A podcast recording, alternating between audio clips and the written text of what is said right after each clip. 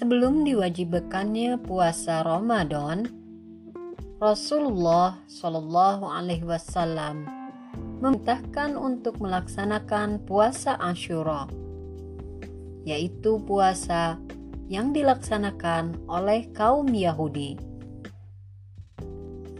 Setelah berhijrah ke Madinah, Rasulullah Shallallahu Alaihi Wasallam melihat kaum Yahudi di sana melaksanakan puasa.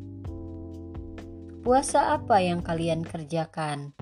Tanya Rasulullah Shallallahu Alaihi Wasallam. Puasa Ashura. Puasa ini untuk memperingati hari ditenggelamkannya Fir'aun oleh Allah. Jawab kaum Yahudi.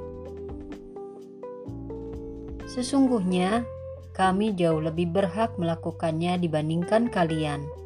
Sabda Rasulullah Shallallahu Alaihi Wasallam kepada kaum Yahudi.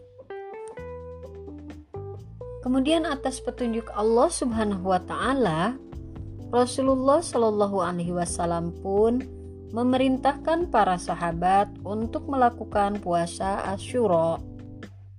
Puasa ini dilakukan tanggal 10 Muharram namun, untuk membedakannya dengan kaum Yahudi, Rasulullah Shallallahu Alaihi Wasallam memerintahkan agar menambahkan satu hari sebelumnya, yaitu tanggal 9 Muharram.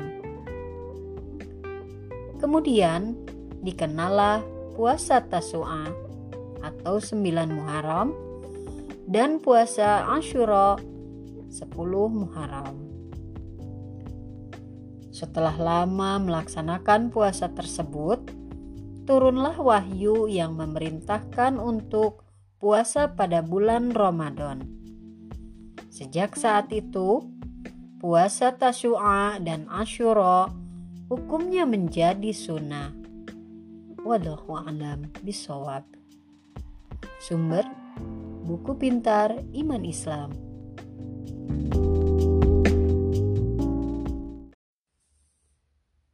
kewajiban puasa Ramadan baru diperintahkan oleh Allah Subhanahu wa taala pada tahun kedua setelah Rasulullah Shallallahu alaihi wasallam hijrah dari Mekah ke Madinah.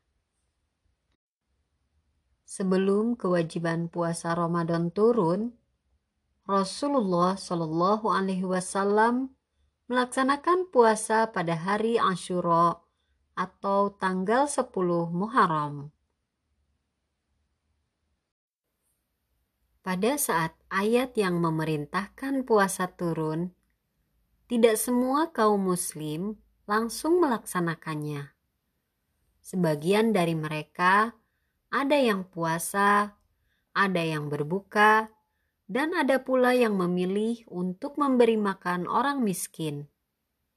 Oleh karena itu, Allah Subhanahu wa Ta'ala kemudian menegaskan kewajiban puasa itu. Penegasan wajibnya puasa oleh Allah Subhanahu wa Ta'ala memiliki dua makna. Makna pertama, Allah Subhanahu wa Ta'ala menyampaikan kewajiban itu berupa tekanan yang memberatkan. Karena ketegasan perintah Allah Subhanahu wa taala itu, seluruh kaum muslim kala itu menjalankan puasa sebagaimana yang diperintahkan Allah Subhanahu wa taala. Namun, ternyata banyak di antara mereka yang pingsan saat pertama melaksanakannya. Oleh karena itu, Allah Subhanahu wa taala kemudian menyampaikan keringanan bagi siapa yang tidak sanggup melaksanakannya. Allah Subhanahu wa Ta'ala membolehkan tidak melaksanakan puasa bagi yang sedang bepergian, sedang sakit, dan orang tua yang sudah lemah. Bagi yang sedang bepergian dan sakit, Allah Subhanahu wa Ta'ala mewajibkan untuk mengganti puasanya pada hari lain di luar bulan Ramadan. Sementara itu, Bagi orang tua yang sudah lemah, kewajiban puasa digantikan dengan cara memberi makan orang miskin. Wallahu alam bisawab.